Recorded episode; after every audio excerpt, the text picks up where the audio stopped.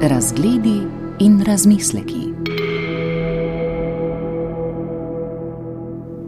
Vlada Republike Slovenije je 19. januarja sprejela sklep o ukinitvi Muzeja novejše zgodovine Slovenije in Muzeja slovenske osamosvojitve in združitvi obeh v eno muzejsko ustanovo.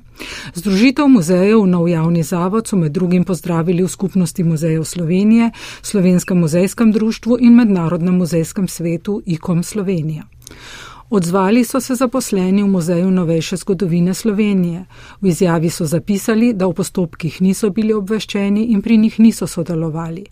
Opozorili so, da ne poznajo študije o posledicah združevanja, prostorskih, vsebinskih, finančnih. Izjavo je podpisalo 25 od 29 zaposlenih v muzeju. Z izjavo, ki ni bila javno objavljena, je pa zakrožila po spletu, so se oglasili, navajam, člani nekdanjega strokovnega sveta Muzeja novejše zgodovine in podprli nastanek novega muzeja. Dve članici petčlanskega strokovnega sveta iz vrst zaposlenih v muzeju se z izjavo nista strinjali in se pod njo nista podpisali. V nasprotju s člani strokovnega sveta so člani sveta javnega zavoda Muzej novejše zgodovine Slovenije ob ukinitvi in spojitvi dveh muzejev v novo muzejsko ustanovo v izjavi za javnost opozorili, da pri navajam ravnanju Ministrstva za kulturo ne vidijo predhodnega procesa, s katerim bi ministrstvo z različnimi deležniki, svetom in strokovnim svetom javnega zavoda, strokovnimi delavci in finančno službo predhodno vodilo dialog in iskalo najboljše strateške organizacijske in poslovne rešitve za kakovostno in uspešno delo. Konec navedka. Opozorili so, da pri poseganju v avtonomnost delovanja ustanov in zlasti pri reorganizaciji in nastanku nove ustanove, ustanovitelj praviloma že predhodno vodi postopek za reševanje pravnih, poslovnih, vsebinskih, strokovnih, organizacijskih vprašanj. V tem primeru tega ni bilo, tako člani sveta. V odgovor na vladni sklep in na izjavo skupnosti muzejev, muzejskega društva in Nikom Slovenija je nastalo odprto pismo v podporo avtonomiji muzejev. Prvo podpisana sta muzealca dr. Marko Štepec in dvojna doktorica Verena Perko. Doslej pa je odprto pismo podpisalo že več kot 150 ljudi, med njimi mnogi muzealci. V pismu vodstvom društva očitajo, da se niso postavila v bran avtonomiji muzejev, kar bi se po svojem poslanstvu morala.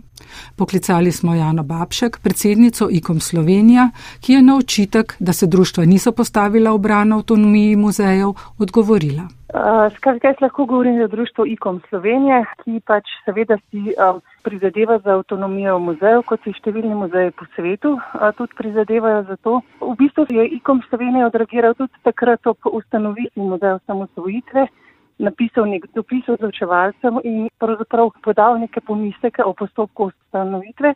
Se pravi, da muzej nima zbirke, da ni bila zagotovljena participativnost, vendar ni bilo takrat prav tako nikakršne povratne informacije. Kratka, mi bi si želeli, seveda, da se vzpostavijo pogoji za avtonomno delovanje muzejev, da se razume pomen strokovnega, ne političnega obravnavanja tematik, saj je to v največjo korist slovenske zgodovine in slovenske javnosti. Zdaj pa če so pa um, neke, neke take politične pregretosti, neke politične odločitve, pa slovenski muzealci pravzaprav želimo to urejati skozi ta muzealska strokovna načela, ki jih pa omogoča urejena zakonodaja, ki določa, kaj je muzej, kdo ga lahko ustanovi, kdo ga lahko ukine in tako dalje. Kljub uh, dolgoletnim prizadevanjem mi tega zakona še nismo dobili in pač uh, ga čakamo in si prizadevamo še naprej. Ne.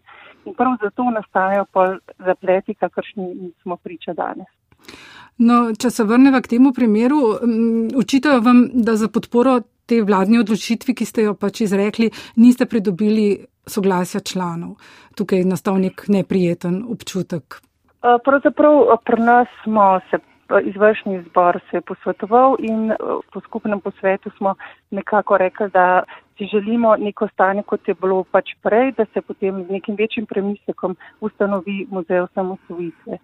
Še za večjo podporo pa bi seveda moral sklicati občni zbor, to se pa v tako uh, hitrih pač reakcijah, kot so te politične uh, odločitve, ki so iz danes na jutri pač ne da tako hitro organizirati, ampak zagotovo ta posvet še bo.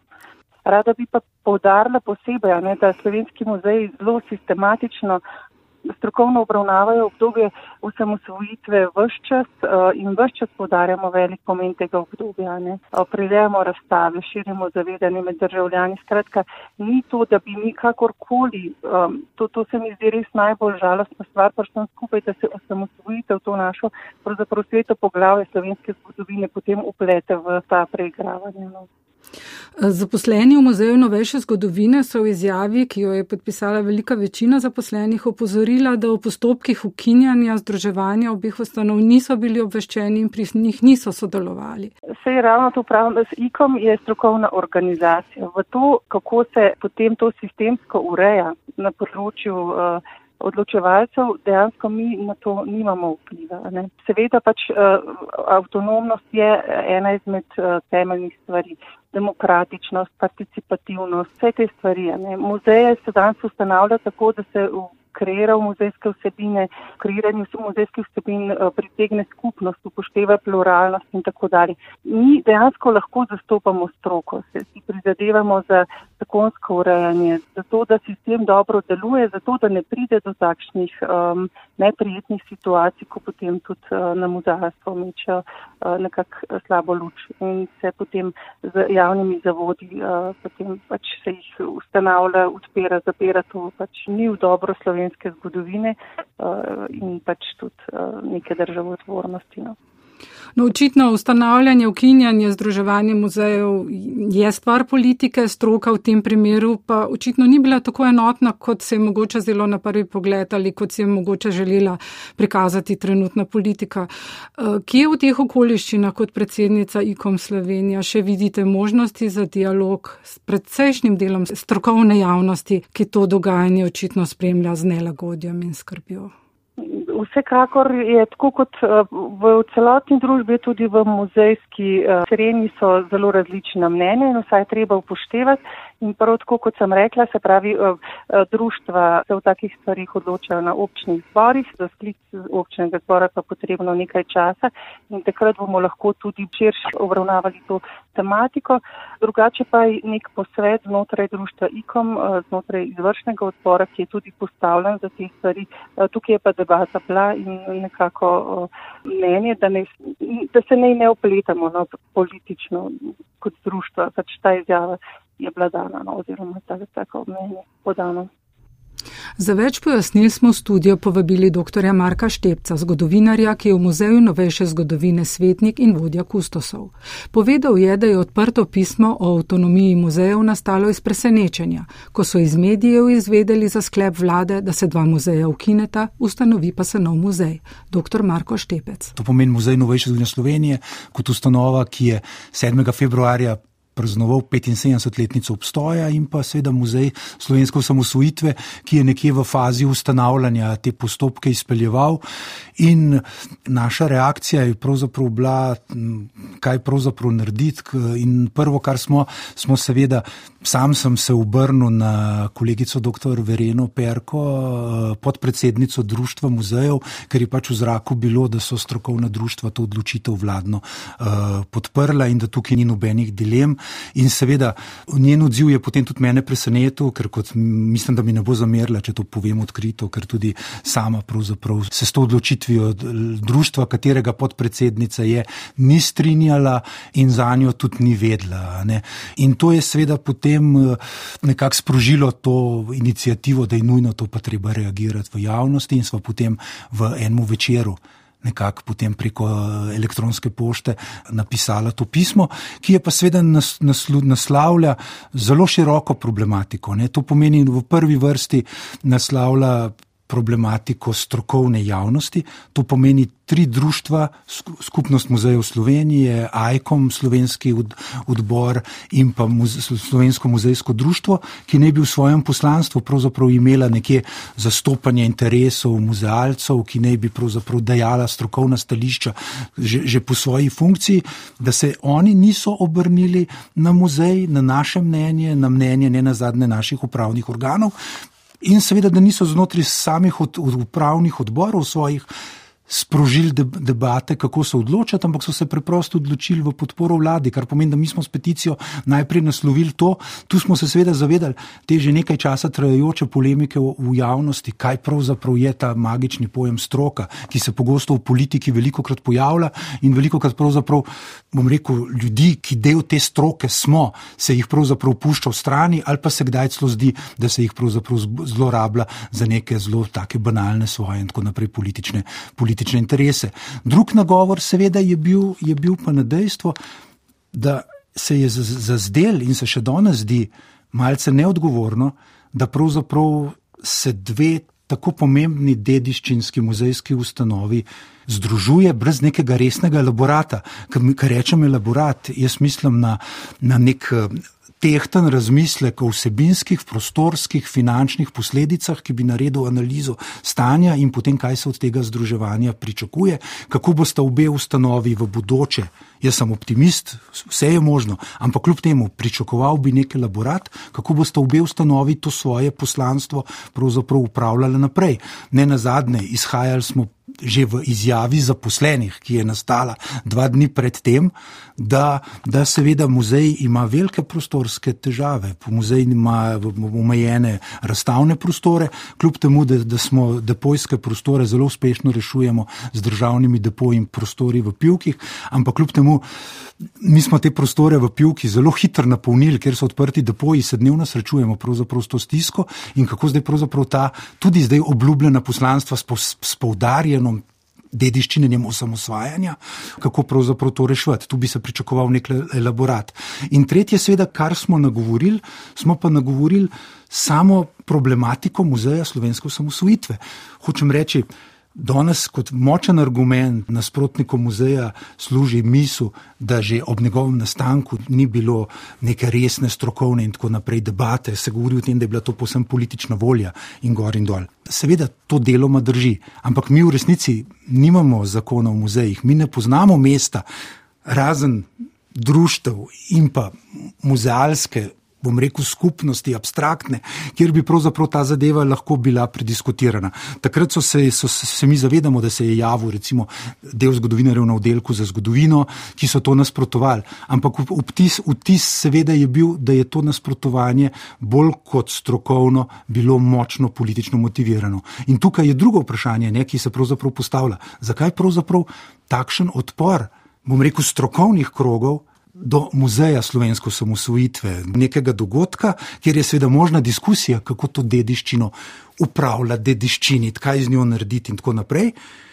Ampak zakaj pravzaprav a priori tak slab odnos? In, in seveda, mi danes, že po teh odzivih, ki smo jih dobili, vemo, da je pravzaprav velik interes javnosti, da bi takšen muzej bil. In tukaj seveda je tudi je vprašanje to, zakaj ne. Dejstvo seveda je, ki je sprožalo že takrat malce, pred dvemi leti, malce nelagodja v, v strokovnih krogih, je bilo to, da več ustanov muzejskih, pet, šest muzejev pravzaprav to ima v svojem poslanstvu, ima v, svojem, ima v svojih zbirkah, ima pomembne zbirke, tudi v našem muzeju so pomembne fotografske zbirke in druge, in, in druge pomembne stvari iz obdobja osamosvojitve, procesov prej in tako naprej.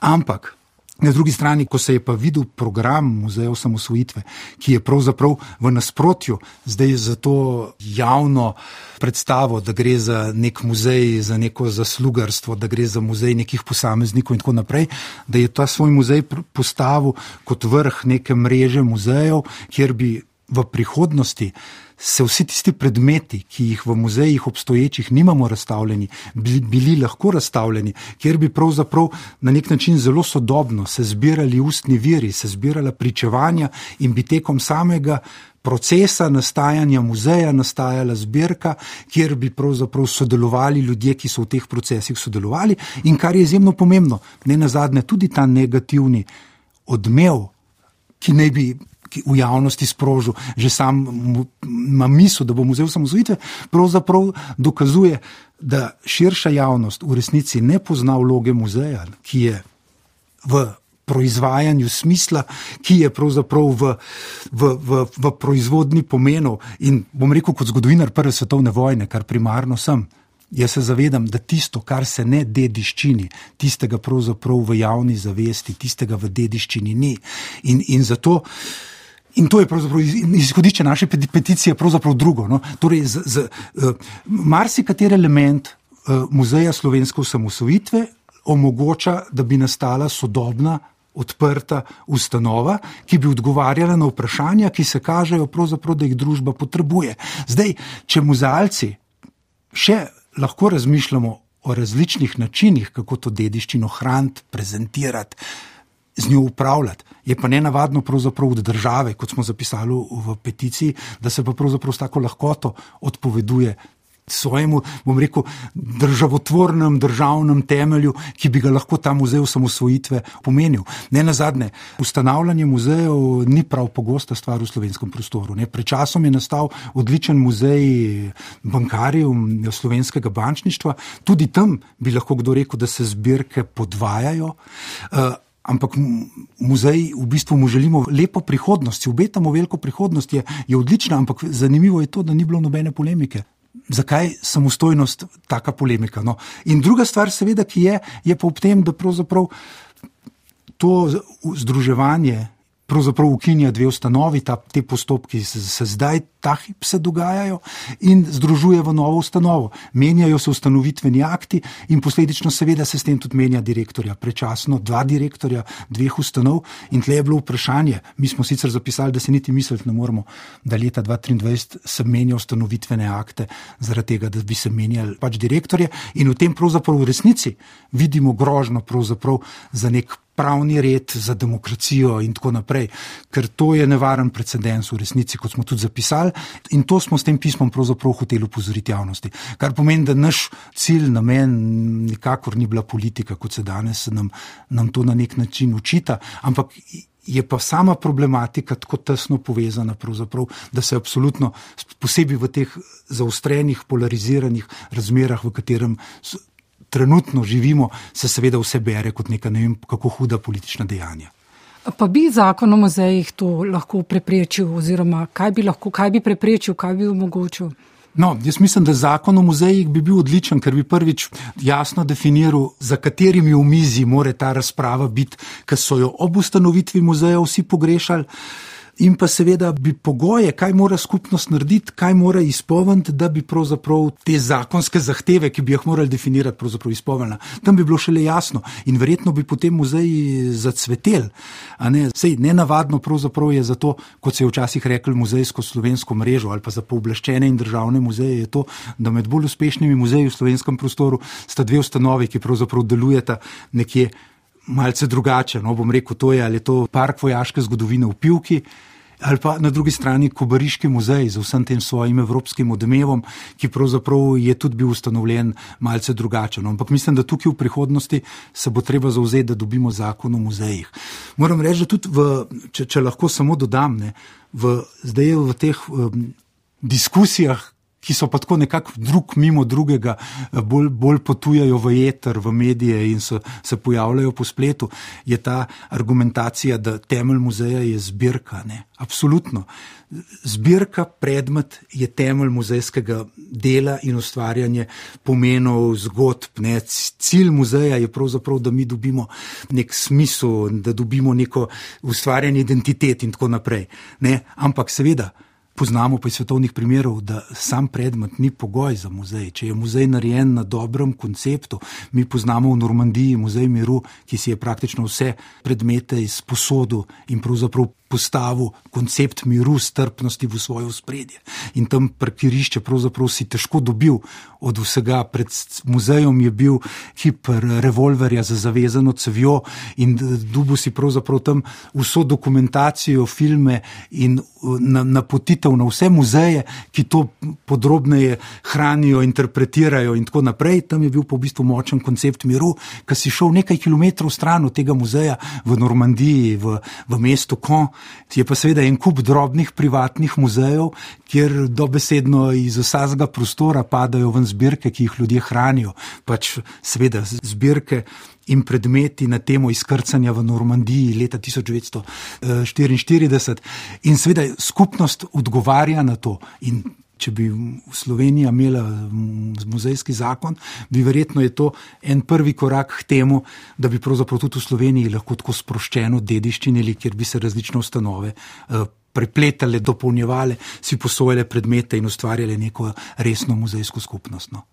No, že prav kmalo, verjetno v Cekinovem gradu ne bo več tega muzeja, ampak bo drug muzej. Kaj vas in druge zaposlene v tem trenutku skrbi v zvezi s tem? No, verjamemo, muzej je v teh 75 letih šel skozi mnoge spremembe in preobrazbe. Temelj vsega tega je bila seveda naša močna zbirka. Mi imamo 60 tisoč predmetov, nekje razdeljenih na 29 zbirk, fotografij imamo že preko 3 milijone in jaz verjamem seveda, da ima muzej še močno in lepo prihodnost. Zdaj se mu ime, menja ime, ki je seveda podobno kot celotna to, kar se dogaja, malce nesrečno izbran muzej, novejše in sodobne in sodobne zgodovine, uh, imamo težave, kakšno bo to ime v angliškem prevodu. Seveda, marsikoga v javnosti moti, da že samega imena izginja pojem osamosvojitev, mislim pa seveda, da sama, ne mislim, prepričan sem in vem, da, da samo zbiranje gradiva, zbirka ni ogrožena, da, da bo muzej premagal tudi to, da bo živel uh, naprej, delu uspešne razstave, uh, si to tudi sam želim.